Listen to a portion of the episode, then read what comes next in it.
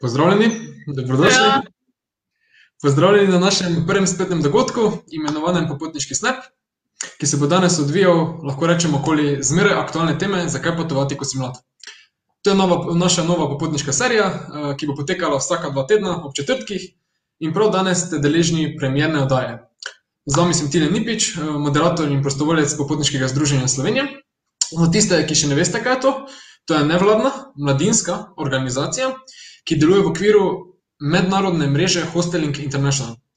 Povezuje hostele po Sloveniji in spodbuja trajnostni in, še posebej pomembno, mladinski turizem. Ne smem pa pozabiti omeniti, da na spletni strani organizacije mesečno izhaja e-revija, imenovana Globetrotter, v kateri lahko najdete najrazličnejše popotniške informacije in s tem povezane vsebine naših strastnih popotnikov.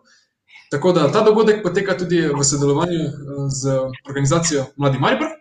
Današnja gosta pa sta dolgoletna in izkušena popotnika, eh, Katarina in Rok Hočevar. Katarina in Rok, pozdravljena. Ja, Živijo, živijo. v redu, hvala. Odlično. A, nisi povedal, mi dva sva tudi prostovoljca pri Popotniškem združenju Slovenije in tudi ne, Ja. pisca člankov v Globetrotter reviji. Tako da, evo, um, kar ni na najnem blogu, si včasih lahko tudi kaj preberete v Globetrotterju. Slabo omenim, da smo kolegi. Za vas, um, gledalce, Katarina in Rok sta tukaj torej tudi, da nam predstavite svoj pogled, pa stališča in svoje mnenje, zakaj potovati in obiskati svet že v mladosti. Uh, upamo, da bo tudi kot spodbuda za vas, eh, da se podate na pot takoj, ko, bo, ko bodo razmere to z virusom omogočale. Preden pa vam predam besedo, pa vas, goste, pozivam, da pišete komentarje, vprašanja, na katera bomo odgovorili med uh, dogodkom in tudi na koncu. Tako da, uh, Katarina in Rok, uh, lahko začnete s predstavitvijo. Beseda je vajna. Ok, ja, se pravi, naslov je, zakaj potovati, ko si mlad.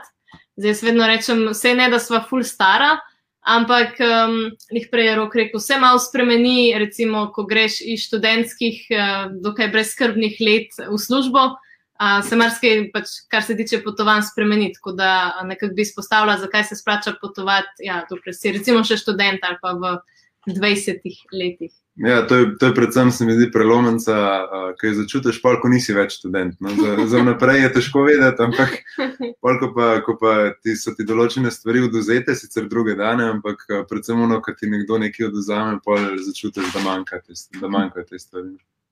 Ja, mi smo začela potovati zelo zgodaj, ali pa vsaj jaz lahko rečem, sem zelo veliko potovala že s svojo družino, um, kar sem, mislim, zdaj, ki gledam nazaj, zelo vesela in hvaležna, da so me uh, malo odpeljali v svet, oziroma predvsem po Evropi. Um, in ja, pol tudi na eno potovanje, prvo je bilo. Um, jaz sem bila stara 18 let, rok je bil še 17, še mladoleten in šla sem v Avstralijo. Tako da to je bilo prvo potovanje in pol nekako s to Avstralijo smo kar postavili nek nivo ali pa standard. Zelo, sploh pri meni je bilo tako, meni je bila Avstralija vedno sanska dežela in pol sem videla, da v bistvu, če sem lahko pri 18 prišla v Avstralijo, pa grem lahko kamorkoli. Mislim, bom že našparala uh, ti znarne, pač, ker načeloma druge destinacije so cenejše kot Avstralija. Uh, tako da pa se pa itek skozi več v bistvu potovala. No. Mogoče samo še en intermezzo. Um, napišite kar sprot vprašanje, če ima kdo kakršno koli vprašanje, bo jih bo vesela, pa bo kar sprot po- poskusila odgovarjati. Um, kar v komentarje napišite, ja, tako da, da je to lahko kar neke vrste, celo mogoče debata ali pa da se razvije malo tudi v smer, ki jo rekel, gledalci hočete no? na ta način. Ok, zdaj pa gremo. Kar. Um, Pripravila sva 12 točk, zakaj se splača potovati, ko si mlad, po najnem mnenju. Tako da, evo, številka ena je, to sem dala zelo tak naslov, kdaj, če ne zdaj. Pač, um, to v bistvu mogoče ne velja samo za takrat, ko si mlad, ampak za kadarkoli, če imaš željo za potovanje, se najde način, um, pač, ali pa priporočava, da se najde način, uh, da se gre na potovanje. Nikoli ne veš, kaj bo drugo leto, kaj bo naslednji mesec. To nas je sploh zdaj to korona leto naučilo, da je toliko nepredvidljivih stvari, a, da pač izkoristi šanso, ko lahko. Ne? Nikoli ne veš, mislim, zdaj le nam tale epidemija oziroma pandemija kroji življenje. Um, mi dva sva dolg časa recimo sanjala ali pa sanjala, si želela iti v Jemen, pa se je pol vojna začela, pa je zdaj že tam ne vem koliko časa vojna, ne? recimo podobna situacija je s Sirijo, fulepa država, ampak zdaj mislim, da je že deset let, kar je vojna tam in pa se ne da ita. Ne? Um, tako v smislu ne čakati, če imaš le možnost, pa če si dož želiš, a ne, pejdi ne? Na ta način. Um, a sem kaj Dolgo še bo možnost, tako ja, to nas je zdaj korona lepo izučila. Samo Ja. po drugi strani pa tudi zaradi tega našo državo odkrivamo bolj, ne? Mislim, je Res tudi prednost tega, ne? Zagotovo. Uh, je tudi to ena izmed točk. Ja, zdaj, se, zdaj se je v bistvu, ja, zdaj, zdajšnjim študentom, bom tako rekel, je kakšno leto oduzeto, ampak mogoče se bo dal pa kaj nadoknaditi, ne vem, bomo videli, kako bo. Itak Ja, razumem. Ja. Jaz sem tudi sam študent prvega letnika in sem začel, in ja, začel, začel nadaljavo, tako da še nisem prav zaživel življenjskega, tega eh, študentskega življenja. Ja, tudi to so prednosti. Ja, saj mogoče, se pravim, če imate kakšno vprašanje, ki se navezuje na številko ena, napišite, zdaj gremo pa mogoče kar na številko dve. Uh, šolska snov, ne. S potovanji se ogromno naučimo. Uh, kaj je s tem mišljen? Mišljen je predvsem to, da recimo, ko so bila tekom vem, osnovne šole, srednje šole in tako pač uh, učitelji razlagajo, zdaj, zdaj predvsem recimo rečem zgodovina, pa geografija recimo, uh, razlagajo marsikaj osnov, ki jo vem, preklepetaš, prespiš, karkoli. Uh, ti ni to Preplonkaš. ti ni to- zanimiva zaradi enega ali pa drugega razloga. ne. Um, pol pa v bistvu, ko smo potovali ne, recimo po, po Islandiji, pa vidiš tiste gejzire, ki dejansko bruha. Um, pa ne vem, če bi zdaj šel na Islandijo, rekel, pa bi videl vulkan, ki bruha. ne. Um, pa mi, da so ga v bistvu videla ne, v Gvatemali. Mm. Uh, je to pač nekaj, kar, kar pač res, rekel, se poglobiš, nekako zaštekaš stvar, zakaj je to wow. Ne? Zakaj je ono, ki je v bistvu ena majhna fotka, zdaj rekel, ne vem, taka fotka v, v učbeniku te ni navdušila, pa zakaj pa, ko v živo vidiš to veličino, um, pač nekaj recimo narave. Um, pač ja, zakaj je to tako navdušno? Vse to Ja, je to, je- Zgodovina. Ne? Točno Um, tako, ko se to učiš, ne samo je problem, da ko si mlad, uh, vedno ni tako idealen čas, da bi lahko takrat človek, ko jemliš določeno snov v šoli, da bi to do tanka uh, izkoristil. No, ampak ja, Ja, pol Tako. obnoviš kaj, um, ali pa, mislim, kakšno stvar loži vnaprej, spoznaš, preden jo jemliš, se mi zdi. Mislim, ali je odvisno. No, um, vem, tak ful primer je Grčija, stara Grčija, ne, mislim, stara Grčija, ostanki te civilizacije. To je bilo meni, mislim, jaz sem čisto odkrita, meni zgodovina nikoli ni bila neki ful zanimiva. Pač to je bilo neko učenje letnic in pač kaj je nekdo pred ne vem koliko leti naredil, pa ne, da bo to imel zdaj ful vpliv za me. Ampak polka sem bila pa dejansko v Grčiji. Je pa tako, wow, kaj so te ljudje že znali. Mislim, tako 2000 let nazaj, kakšne temple so znali postavljati, ali pa tudi, ne vem, jaz sem pač naravoslovca, ne, ne vem, v znanosti, kaj vse so vedeli že 2000 let nazaj. Ne? Mislim, tako. Um, ja. Ja, ali pa zdaj, ko so v bistvu bila po Južni Ameriki 9 mesecev, pa recimo sva rekla, ok, greva gledati to pa to odinko, recimo v Peruju. In so mene pač kot arhitekta fulno navdušila, ker mislim, res je, res je noro, koliko so bili v stiku z naravo. No, veliko bolj, kot kot zdaj v bistvu sploh razmišljamo o tem. ja bolj te, te dansko nikoli tega ne pozabiš in se bolje naučiš, kot pa kdajkoli ne iz učbenika, tudi stvari. Pa se ti razširi pogled. Dejansko bolj si jih tudi zapomniš, se mi zdi. Ja, Ker tam prebereš, znaš do kontrolke in to je to. a ne. Tako, kot pa vidiš um, v živo, ali pa ki se res sam poglobiš v neko stvar, ker te zanima, ker si tam, se mi zdi, da si pol tudi veliko bolj zapomniš tako stvar no, za dlje časa. ja. Če ne zavedno. Ne. Ja, eh, zdaj bomo pogledali za kakšno vprašanje, no, eh, da vidimo. Zdaj se je pojavilo tudi eno vprašanje, no, kako dolgo zdaj vi dva že potujete, koliko sta pač stara, koliko let že potujete, ko sta na poti. Ja. Stara sva 30 let. Torej, zdaj lahko mi izračunamo, da potujete že več kot 12, 12 let, tako pogosto. je- 32 let. Ja, skupaj, da potujeva, ja, je toliko časa. Se pravi, jaz, prej um, sem pa jaz, no pa tudi ti neki. Ne? Ja, sej, jaz sem, A, jaz sem predvsem, Katarina je pa v bistvu kar ogromno tudi potovala z družino. Sem imel ogromno nekih road tripov, uh, bližnjih in daljnih, bom tako rekel. Um, ja, in so si ogromno tudi oni prepogledali, res ne vem, da ste začeli, ampak kot moje kar Ja, mislim, moje prvo potovanje je bilo, ko sem bila devet mesecev star dojenček um, in sta me starša vzela, mislim, vzela. Pač smo šli vsi trije skupaj um, z avtom, z jugotom na Švedsko iz Dublane. To je bilo že za tiste čase, so sosedje rekli, da sta malo nora. ne.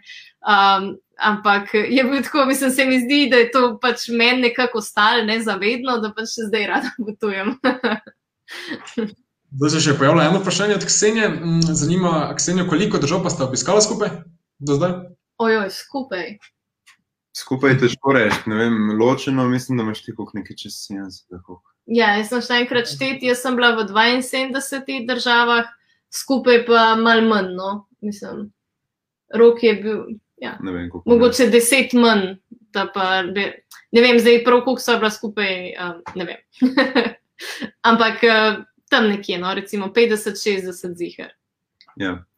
Lepo, lepo. To je skoraj ena tretjina celega sveta, če gledamo, koliko je. Ja, mogoče je veliko, ampak meni se zdi, da je še ogromno zavideti, mislim tako. Veš pa sploh neka Avstralija, ki je bilo prvo potovanje, v bistvu so šla pa še enkrat, pa po mojem bo šle še dvakrat, saj pa, a pa trikrat pot tako. Ja, mislim, ni samo država, je tudi tako, koliko vidiš državo, ali pa kakšne so tako velike, ja, da greš večkrat tja. No. No, super. super. Dobro, uh, gremo na naslednjo točko. Um, ja, to, kar sem že prej rekla, ne, da s potovanji po svetu ugotoviš, da je v bistvu Slovenija zelo, zelo lepa.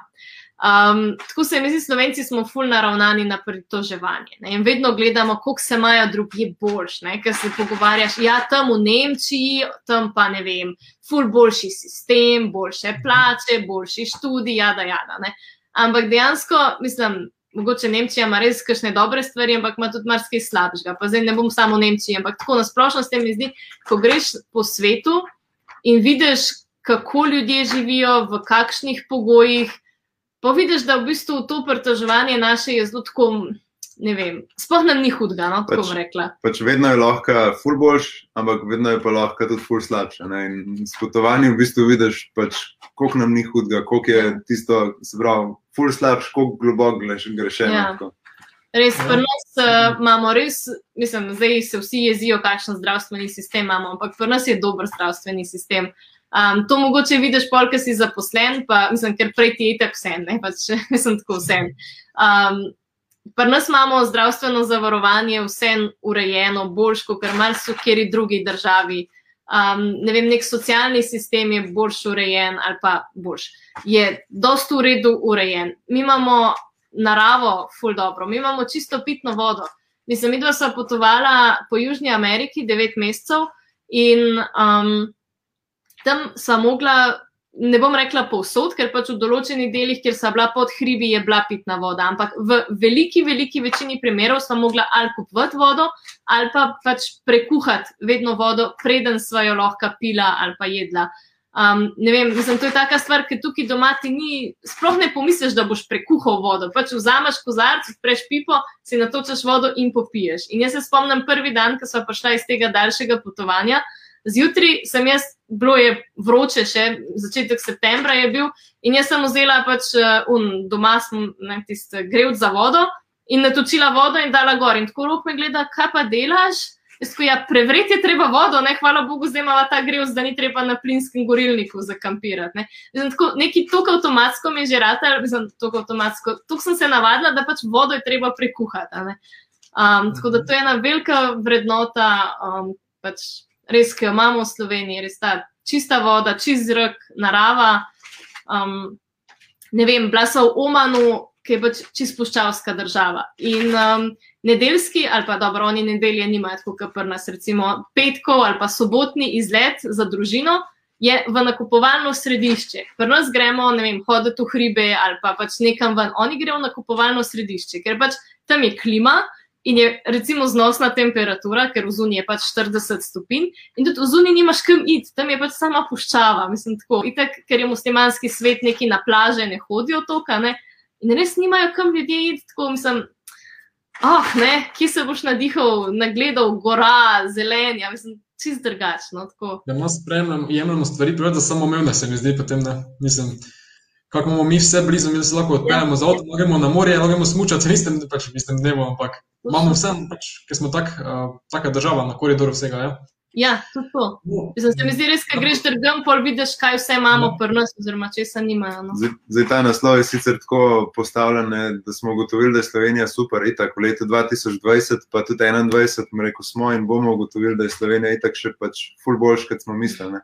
Ampak to čisto navezavi na, na neka potovanja, ko greš nekam in rekel, relacija Mm. druge in prnas. To samo iz izkušenj, izveš tako ta prav, da se bolj zavedaš in Ja. začneš ceniti.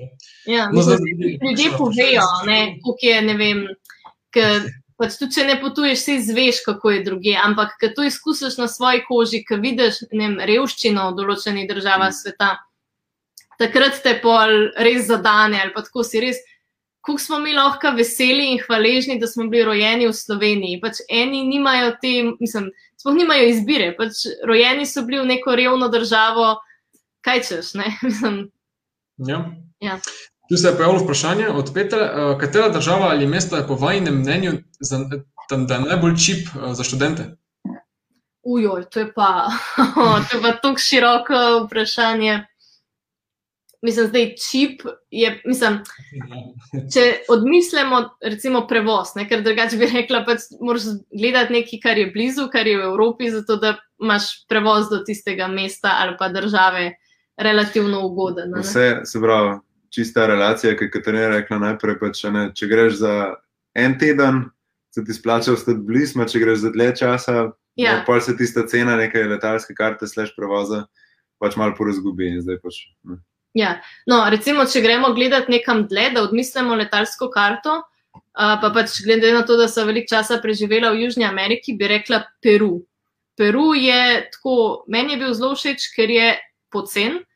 Um, mislim, tako pa ima pač slabši standard, kot kar pri nas, ampak ni prehudo, ni prehudega kaosa in revščine. Um, ampak je pa zelo pocen. Ne vem, kosilo je 2 dolarja, 3 dolarje, uh, pač pa dobiš orang juho, glavno jed, pa solato, recimo. spiš, spiš lahko tudi za štiri. pet. Ja, 3-4 dolarje v čist solidnih hostlih, mislim, pač ni to luksus, a ne, ampak tako za nekega študenta je to, mislim, da čisto v redu. No. Um? Ja, tako da recimo v Južni Ameriki bi ziha rekla Peru, um, kaj pa v Evropi. V Evropi bi bilo treba gledati v smeri vzhoda um, Ja. ali pa Balkan. Recimo meni, jaz sem pač tudi nekaj časa živela na Polskem, tako da lahko rečem, Poljska je recimo zanimiva država, pa cenejša od Slovenije. Um, se pravi, in prevozi po državi so nekoliko cenejši, spoh če imaš študentsko izkaznico, um, pač vstopnine, hrana je tudi cenejša. Um, pač v, v starih časih bi rekla, tudi uh, zabave so cenejše, oziroma pač Ja, ja. um, Ja. pač še bolj zanimivo. po vzhodu, ne vem, Ukrajina je pa še cenejša. To je vse zanimivo, samo okoli te teme se lahko mi zdaj pogovarjamo še nekaj časa, tako da mislim, da je čas, da gremo na četrto točko. Kar? Ja.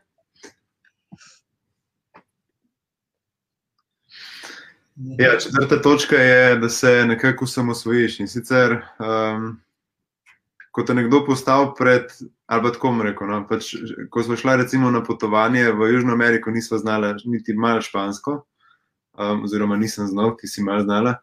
Na, kon, na koncu potovanja smo v bistvu oba dva še kar zelo dobro, bom rekel, govorila špansko, pisala ne, ampak tako pač.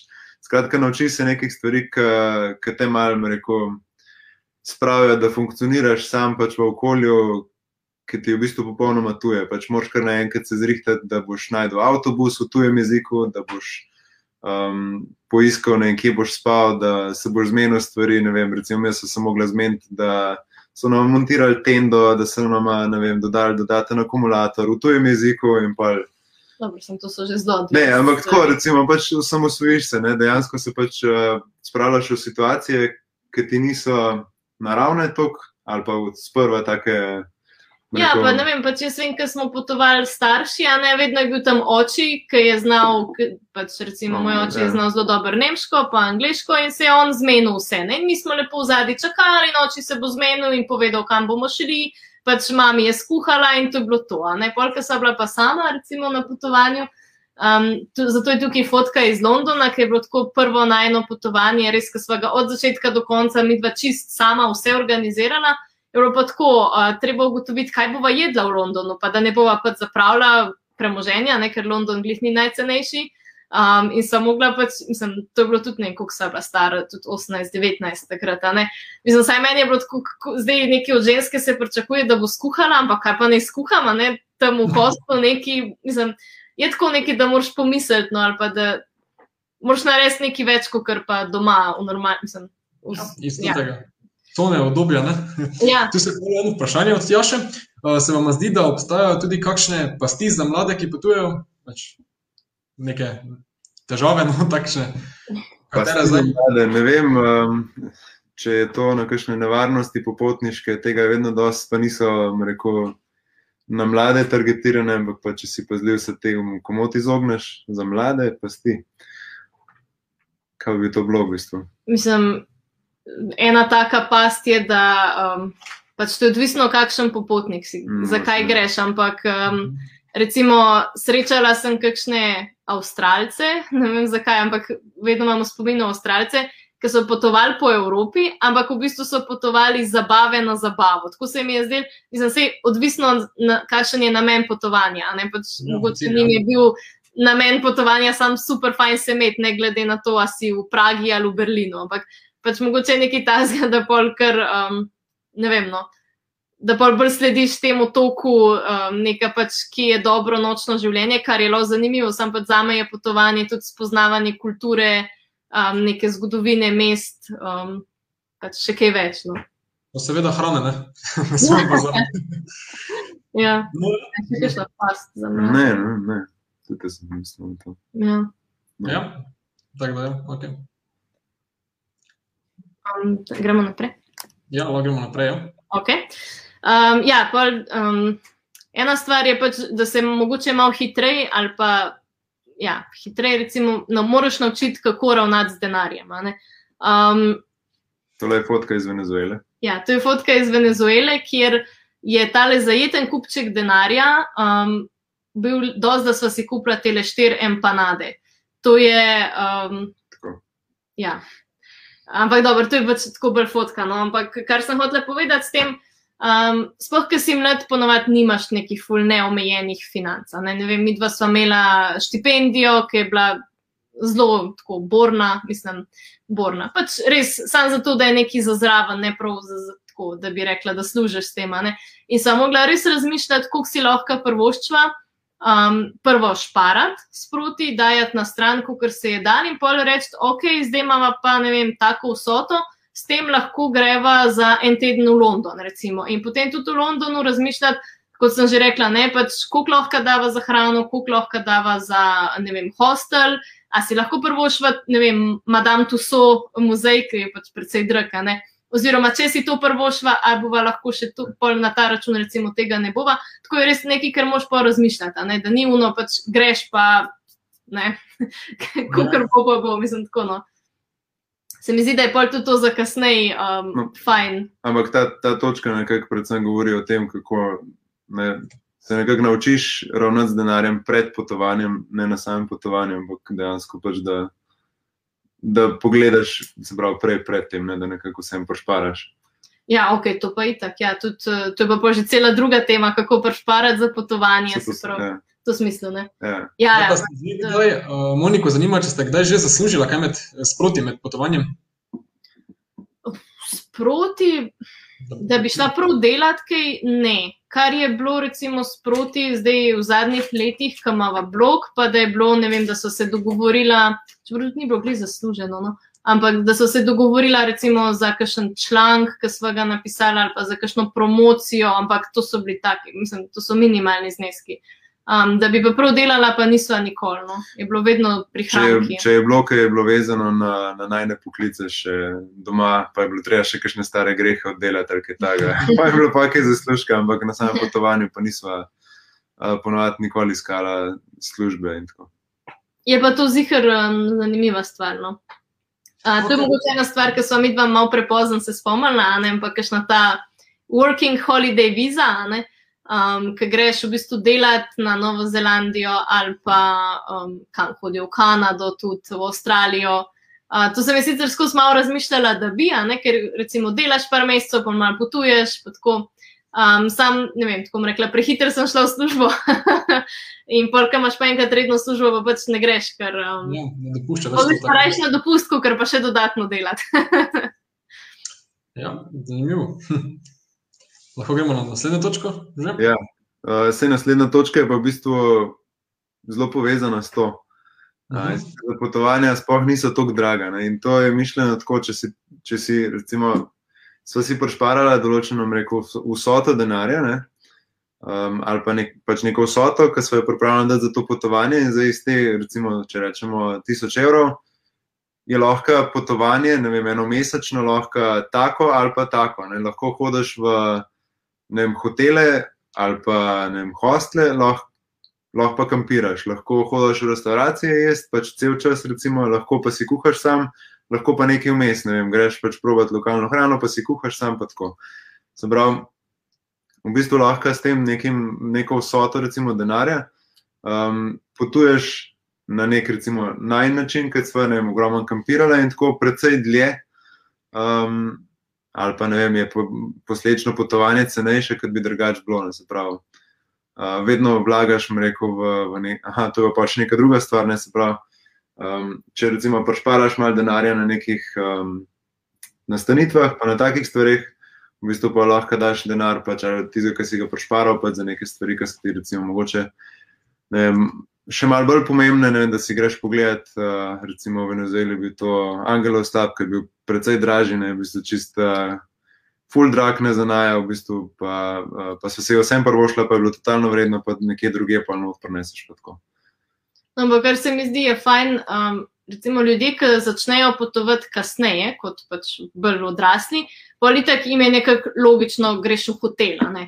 Um, ampak, če pa potuješ že od mladega in si nekako navaden, da je v redu pač vse za spat, mislim, tako malo karikiram, ampak da lahko spiš tudi v hostlih ali pa couchsurfing, se pravi pri domačinih, pa pol to preneseš tudi naprej. ne. In veš, da pač je veliko drugih opcij poleg hotela in že na ta način si lahko tudi kasneje pol poceniš um, potovanje, mislim, poceniš, ne, da v bistvu veš, da ni treba dajati, mislim, da ni vem, 50 evrov na noč za hotel nekaj normalnega, pač, ampak se da veliko ceneje. No, Sploh zaradi tega, ker v bistvu ni nujno, da je hotel bolj luksuzen. Sam pač, recimo, če začneš potovati starejši, mogoče imaš to neko predstavo. Ampak recimo um, spanje, pr, pravi, skozi couchsurfing ti da ful neko izkušnjo, ne vem, pa, pa ful zabavne večere, pa prijatelje na drugem koncu sveta.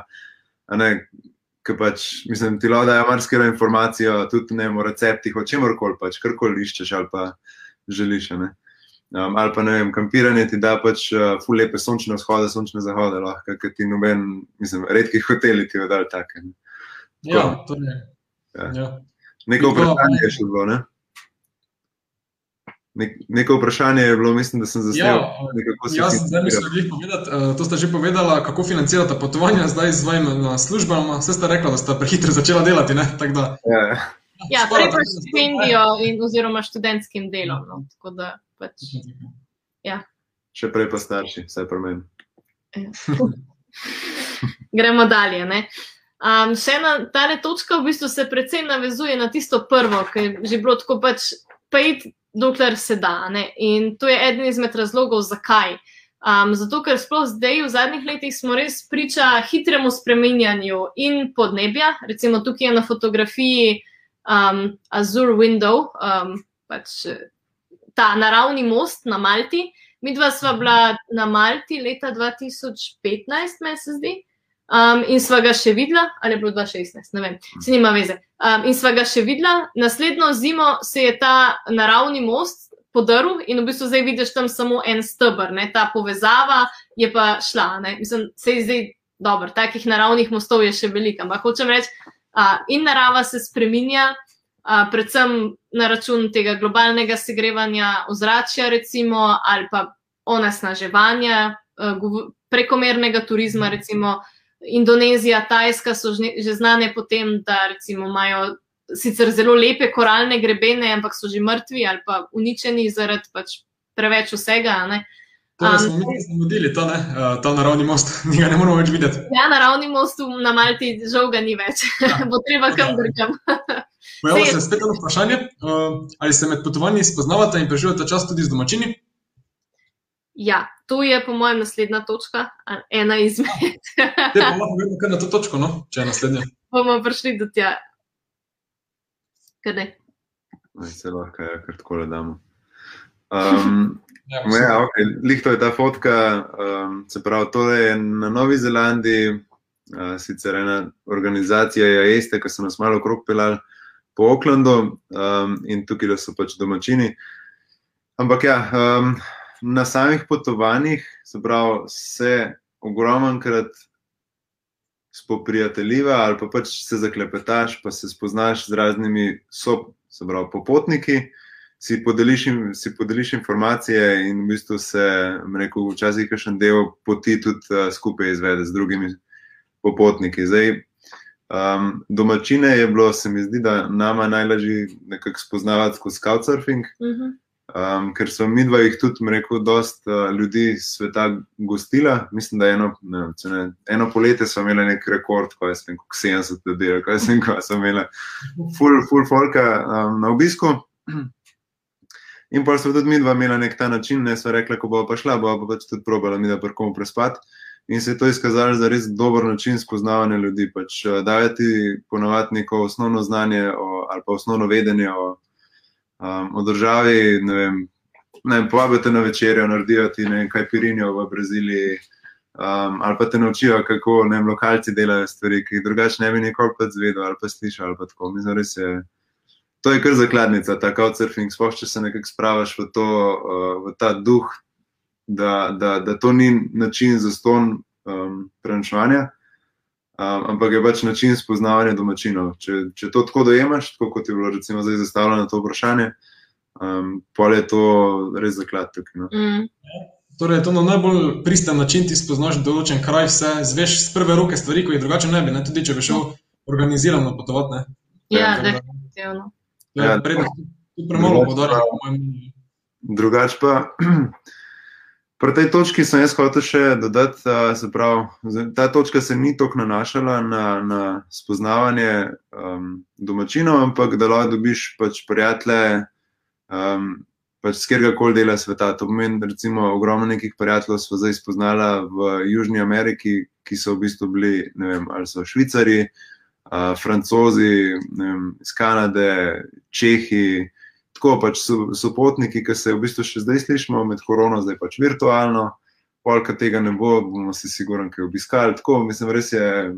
V bistvu dobiš pol še razlog, da greš nekam drugam potovati, recimo, ne, da obiščeš tega prijatelja, ne vem, ki si ga srečal v hostlu ali pa v kampu. Ja, ja. Um, tako je, ja, na ta način tudi. Pač svet rata, pikca manjši. Pa. To je zanimivo. Ne? Spoznaš se in v enem dnevu že načrtuješ naslednji izlet, kako se bo to videlo. To je, to je kako rekel, prijateljstvo, ko je zraste takoj. Ne? Enkrat ja. tudi sam izkušen, ko sem potoval po Evropi lansko leto, uh, tudi sem nekoga novega spoznal in smo se že zmenili, da se vidimo, ko bo razmere to omogočale. Ja. ja, je tudi to motivacija za naslednje izlete. Ja. ja, in ponavadi tudi, če spoznaš ljudi, mislim na, recimo, plasva v hostlu, ne v kampu, na velikonočnem otoku. In je vse, recimo, v kampe hodijo, sploh v tak tip kampa, hodijo približno podobno misleči ljudje. In je že z tega pač se veliko lažje povežeš, ker pač vidiš, da je, ne vem, tam je bil nek češki par. Uh, pač ne gre vsak kampirati na velikonočni otok. Ne mislim, tako vidiš, da je oboje všeč neko to kampiranje, outdoor, pač neko cenejše potovanje na ta način. No.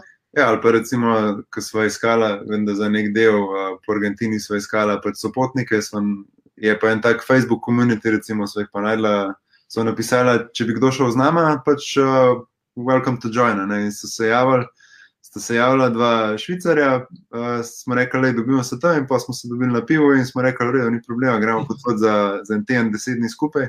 Smo skupaj potovali in smo v bistvu full of referendi zdaj. Mm. Ja. Ok, gremo naprej.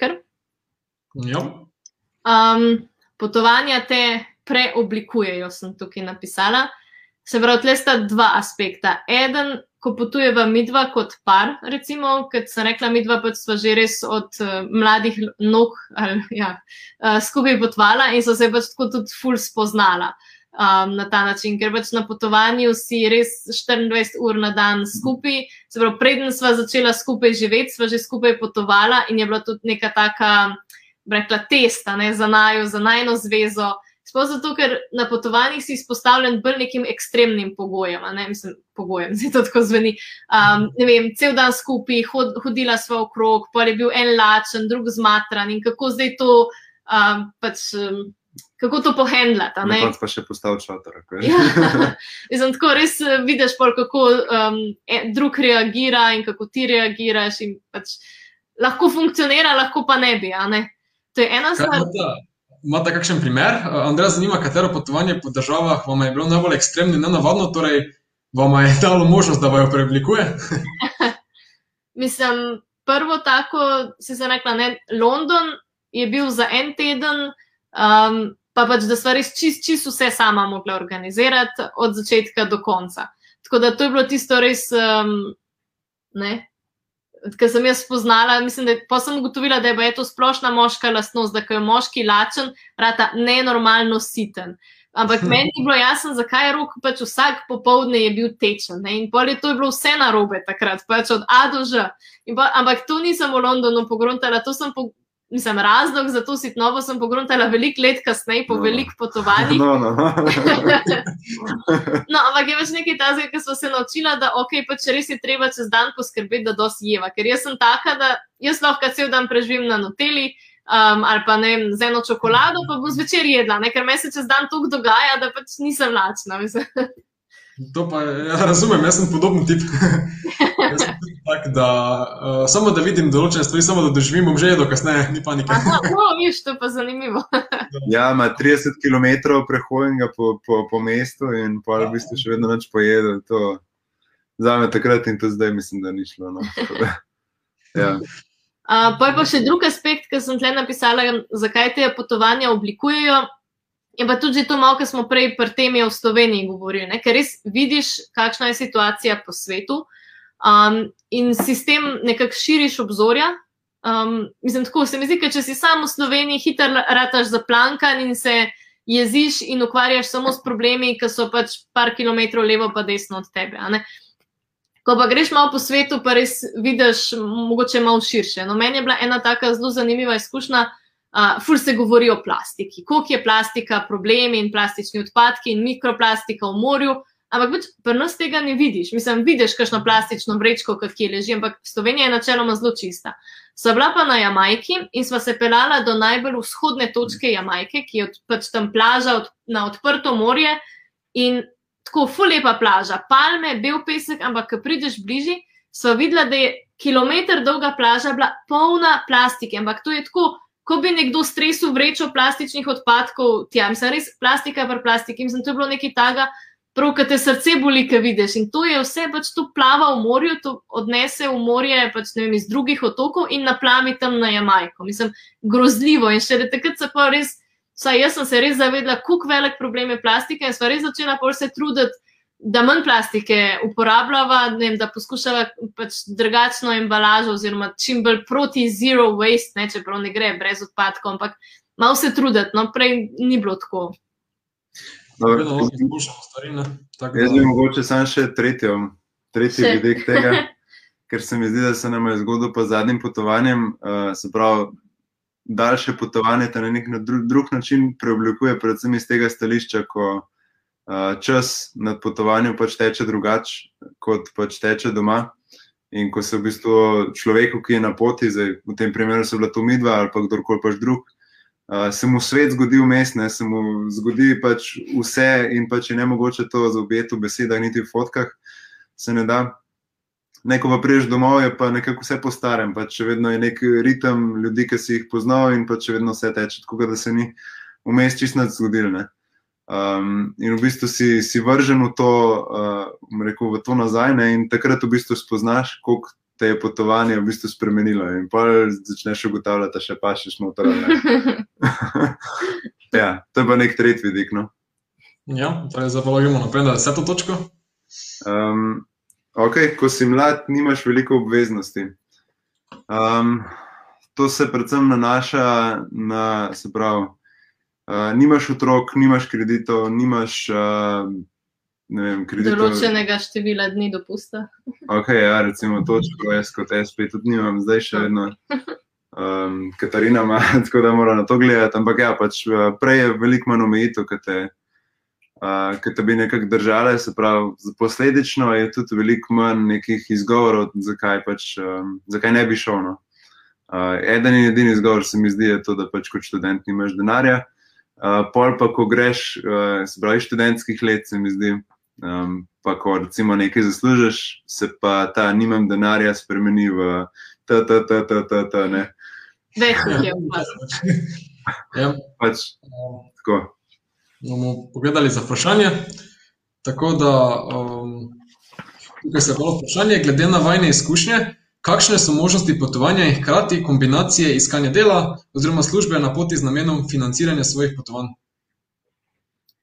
Um, možnosti definitivno so. Najbolj taka, um, rekla, moče razširjena je, kako že buf. Um, ko v bistvu delaš, se pravi, da delaš v zameno za nastanitev in ali hrano um, na ta način. Se pravi, to ponujajo kakšne, ne vem, bolj kmetije na ta način, se pravi, um, ne vem, pomagaš, zdaj bom karikiram, ker ni, nimam izkušnje s tem, ampak kar sem brala, um, se pravi, ne vem, pomagaš okopavati krompir ali pa delati na nivi in v zameno dobiš pač prenočišče na tisti kmetiji in pa recimo um, obroke. Um, to je recimo ena taka stvar, ali pa pač to, kar sem že prej omenila, working holiday visa, um, to se je treba sicer vnaprej prijaviti, ni tako, da pač greš pa rečeš, bom tle zdaj nekaj najdel, moraš imeti prav vizo za delo. Ampak to je recimo fura širjeno Nova Zelandija, Avstralija, tudi Kanada, tudi ZDA. Um, se pravi, ponovadi tam že lažje je, če si že od doma zmenjen, kje boš delal, vsaj na začetku. Um, pa pa pač um, nekaj časa delaš, recimo potuješ, pa pa spet, ko že malo vidiš, kako stvari potu, uh, potekajo, to so ne vem, polkašni Facebook uh, ali pa ne vem, WhatsApp skupine, ne vem pač. Ne, kje se recimo menjajo ali pa objavljajo dela, ali pa pač kontaktiraš, vprašaš, um, kaj vidiš, kdo ponuja ali pa tako. No. Pol sproti je lažje. Ja, mislim, drugače, uh, se pravi, odvisno, kaj, kaj študiraš, tako rekel. Ampak Mm. Ogromno je tudi možno pač, uh, se zmeniti, če hočeš iti na potovanje. zdaj Rekel, pač eno, ne bom rekel specifične države, ampak če hočeš v eno državo iti, se pač pozanimaš, poiščeš vem, firme, kjer hočeš delati ali pa kjer bi hotel tukaj zaslužiti. Uh, pa greš delati za 2-3 mesece, tja, pač ne, dobiš ful dobre izkušnje, tako kot neka vrsta praksa je. Um, s tem, da si jo lahko močno zrihtaš, ali pa ne vem, prek faksa, kako koli. Pa greš pa še naprej na potovanje, ne? pa si hkrati v bistvu v, v fohu, pa hkrati greš na, na pot. Na Ne. tak način smo mi dva oba dva, pač to je že rok prej omenil, organizacija IAESTE. Um, IAESTE je za študente tehničnih in naravoslovnih smeri, uh, prav organizacija, ki v bistvu ureja ali pa ti pomaga najti plačano prakso v tujini, uh, pa pa pač vedno lahko podaljšaš, ne, da, ali pa prej prideš, pa začneš malo s potovanjem, pol delaš, um, pa pa spet recimo potuješ. Ja, to je kar fajn. Ja. Je pa pač ja, tudi Erasmus ali pa še kakšna druga organizacija obstaja. No, ampak, um, tako, S to malo izkušnjo. gremo kar naprej. Zadebatirali, tako da uh, gremo kar naprej. Ja? Ja, no, to je pol ena izmed glavnih, po mojem, stvari, zakaj se splača potovati, No, dokler bolj si pomembnih. bolj pomembnih. Okay. Um, zakaj se splača potovati, dokler si pač še mlajši, um, ali pa dokler imaš recimo študentsko izkaznico, ker so pač vstopnice cenejše ali pa celo brezplačne. Tako recimo Pariz um, je znan po tem, da za študente Evrops iz Evropske unije, se pravi za mlade, vključno 26 ali manj let, um, so številne atrakcije popolnoma brezplačne. Pokazati moraš samo pasuš oziroma osebno in lahko greš. Zdaj, ne glih Eiffel stolp, čeprav je tukaj na fotografiji, je pa recimo brezplačna vstopnina na Slavorok zmage, v Louvre, Uh, mislim, to dvoje se zdaj spomnim. Pač mi dva sta prav s tem namenom šla v Pariz, tako so rekla, preden bova 26, zato da izkoristiva to. a ne. Ta zadnjič sva šla takrat. ja. Ja, sem Pariz. Ja. Uh, lansko leto, ko sem šel po Evropi, pa po Nemčiji, sem imel, ok, nisem zdaj samo muzeje obiskoval, ampak tisto, kar sem obiskal, sem pokazal samo diaško izkaznico in sem imel tudi višino stopnice, stopnice je bila, ne vem, višina stopnice je bila 15 evrov, jaz sem imel brezplačno. Tako da Ja. to je res ugodno. Pa po mojem mnenju v Sloveniji pa ni tako, ne, uh, da bi bilo tako ugodno. Zelo malo tega v Sloveniji. Tako v tujini je tega več za študente, sploh se mi zdi v Evropi. Je tega res veliko no, za študente. Jaz vem, da so bila tudi v Sevilji um, in Rok je pozabil svojo študentsko izkaznico takrat doma. In um, pač jaz sem šla noter v tisto ta, ta veliko, ta znano katedralo v Sevilji, ki je bila vstopnica, ki bi zdaj rekla 3 evre, Rok bi mogel plačati, pa tudi ne vem. Zdaj, Na pamet govorim, ampak ki bi rekla 15 evrov, pač ful več. No, in pol pač je rešil zunaj počakal takrat. Se mu je zdelo za malo, da ima študentsko, sam pač doma. Ja. No, tu se je pojavilo vprašanje od Klare, mm, ali imate seznam stvari, ki so nujne za sabo, eh, ki so nastale tekom posameznih potovanj, in da, torej, da sta enkrat nekaj pozabila, in da in zdaj brez te stvari ne greste več na potovanje. To je na primer lahko ura, švicarski nož ali kaj podobnega. Oj, oj, um, ja, takih stvari je v bistvu kar veliko. No, ampak, evo, tle, ki je omenjen švicarski nož, to če le lahko, se pravi, če greva z, sam z ročno prtlago, ne moreš. Ne? Ampak, eh, če le lahko, recimo, švicarski nož je taka stvar, ki mi dva ful uporabljava. Mislim, spoh moj švicarski nož, ki ni sam nožek, ne, ki imaš noter še škarice, pa pilco, pa take stvari. Pač, to je res uporabna stvar. Ali za pač, ne vem, sadje, hrano rezati, ne, ali pa tudi za kaj drugega. Ja, ali pa tudi za konzervo odpreti. Jaz se spomnim, smo bila na, na enem trekkingu, ki sta dva. uh, Na trekkingu mislim, da je žlico šla odpirati pa neko konzervo, ki Pa niso s kamnom. Pa s kamnom, ja, kaš, pač tako, no, mislim. Ja, ok, švicarski nož, absolutno. Um, ne vem, kaj je bilo še ostarega, da pogledam. Ja, mislim, pa študentska izkaznica, dokler smo jo imela, oziroma zdaj imamo kot pač prostovoljna novinarja pri Globetrotterju, imamo um, novinarsko izkaznico, tako da to je tudi fajna stvar, ki tudi prenese ugodnosti. Um, čeprav ni vedno koristna, ne? recimo v Venezueli um, nisva nobenemu povedala, da smo novinarja. Včasih se malo pohvališ, jaz sem novinarja. ne. Um, ampak recimo v Venezueli, ki je bil tak režim, so pa lepo tiho, ne, ne kaj novinari, ne, ne, turisti, turisti. Ne, mislim, tako. Bog ne dej, da si novinar tam. Ja. A, čakaj, če kakšna taka stvar, brez katere ne gremo. Malenkost. O, za v hostle, čepki za ušesa. Pač jaz ne morem pozabiti, ker sva bila v, Lizboni v nekem hostlu, pač itak ne v skupni sobi. In nekdo je prišel iz neke žurke, in pol, pa še ta hostel je bil, da se je vse slišali, in je bruhal polnoči na WC-ju, in se je vse slišalo, jaz nisem mogla spati. Ne vem, v Bratislavi je nek avstralc prišel sred noči in tako smrčal, da sem mislila, da ga bom nekam poslala. No, mislim, tako da ja, čepki za ušesa so nujni za v hostel. No, ena stvar bi recimo bila še ful dobra, tako res kvalitetna, nevno iz dekatlona brisača, ta tamala, ki se zrola. Um, ki jo lahko samo užameš, pa je v bistvu takoj suha, recimo. To je ful taka koristna Mhm. stvar. Ne? Um, kaj še pa kaj takega? No, No, dobro. pa tudi specifično od potovanja. Ne? A recimo, če letiš iz uh, hladnega kraja, naprimer Slovenija, um, v ta pravem delu leta, uh, na Jamajko, ne, in ti izgubijo prtlago, sem se naučil, da bom zdaj, ko letim iz, iz hladnega, pa bom pač ful napravljen, v vročega bom pač imel sabo ponovadi. Uh, Saj ne spodaj eno kratko majico, pa nekje ne kratke hlače, da, da ne bom pol tam taval v poloverju prvi dan. Ja, no to Ja. v bistvu je kar pravilo, ne? da vedno uročno prtlago na letalo vzameva tudi en set spodnega perila, od takrat, ko so nama na Jamajki izgubili prtlago. A, pa zobno krtačko, pa pasto imamo tudi kar zraven. ali Pa, ne vem, če ima kdo leče, mogoče je fajn tudi tekočino za leče imeti tako nekje um, pri roki. Ja, To je meni prva stvar, na katero pazim. Tekočina za leče. Sem- bila enkrat z eno prijateljico, um, ki je mogla pol kupovati. Mislim, da je imela ful problemov. tako da ja. Je lahko, ja. Ja, Torej, lahko pa gremo zdaj kar dalje na mm, 12. točko, ki pa mislim, da je tudi uh, zadnja izmed teh. Ja, to je pa še ta zadnja točka. Um, mislim, da to je to, da si želiš odklopiti malo in oko, spremeniti okolje, je tako vedno aktualno. Ampak se mi zdi, da si mlad, je več na kupu, več nekih teh prelomnic, ki so lahko ful dobro, dober razlog za potovanje. Rečeš, ok, po maturi grem nekam, ne? da pač malo odklopiš, da premisliš, kaj, kaj je bilo in kaj prihaja. Pol po diplomi, pa ne vem, po magisteriju, po doktoratu, pač ne vem, po poroki. Uh, tako se mi zdi, no, mislim, se sem že rekla, najno prvo potovanje je bilo v Avstralijo, to je bilo po moji maturi. Um, in je bilo tako, pač, ja, itak šparaš, a ne učiš se na polno, um, in pol pač je tisto, ah, in res paše, a ne, res paše, ker rečeš, ok, zdaj sem full neki naredil, full dosegu, um, in pol je res tako odklopno. Pa so še tudi po rokovi maturi, takrat so šla v London. Pol, mm. po mojem, moji diplomi smo šla, ti si mi pobegnil na Finsko, pa sem jaz za tabo prišla na Finsko. Tako ja. pač je vedno, ne vem, rok je imel, oni šli direkt na magisterij, um, so šla pol spet v Avstralijo.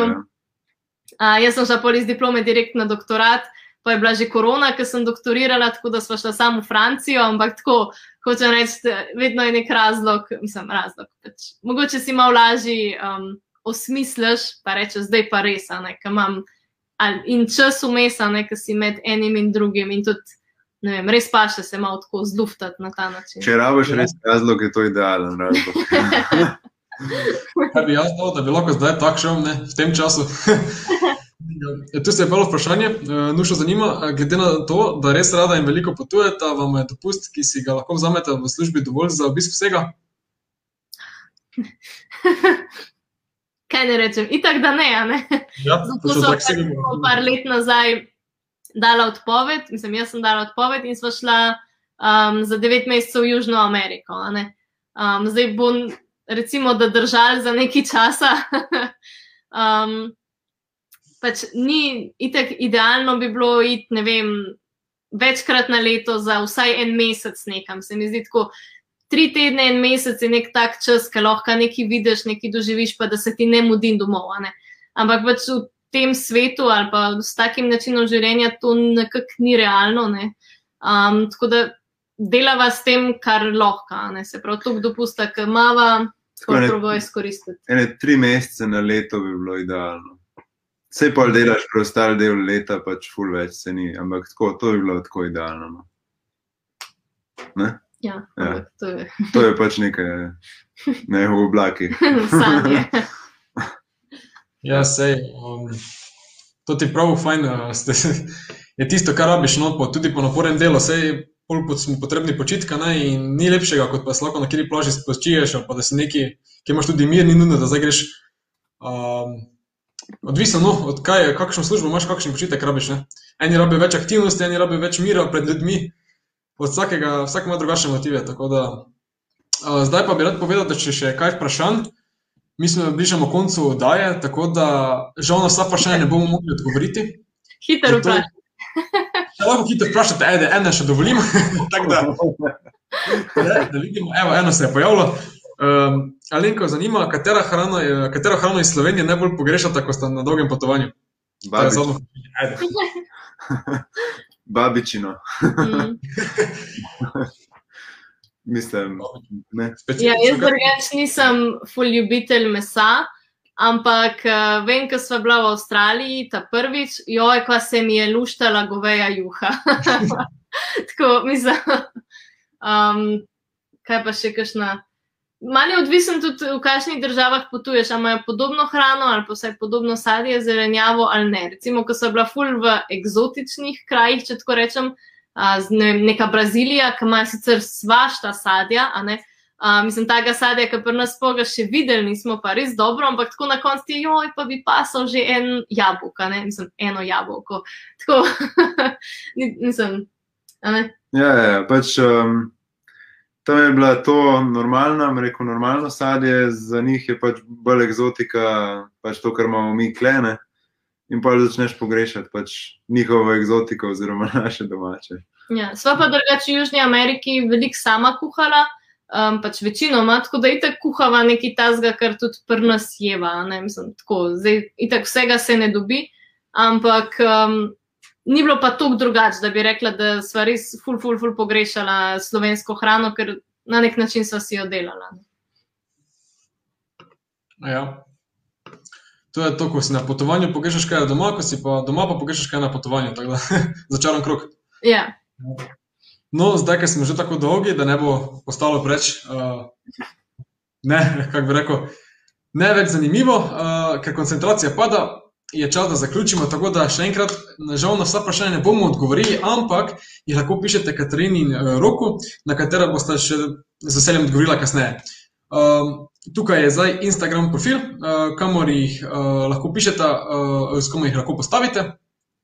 Uh, tako da upam, da ste danes veliko odnesli, kaj novega izvedeli, se naučili, dobili navdih, kakšno motivacijo za po zapustitvi tega varnega domačega gnezda, uh, kar je v teh korona časih izrednega pomena. Ne? Zahvalil bi se rad vama, Katarina in Rok, uh, da ste bila naša gosta, da ste se vzela čas za nas in nas seznanila z vajnimi izkušnjami, avanturami, ki ste jih doživela. Tako da hvaležni smo vam tudi za spodbudne besede.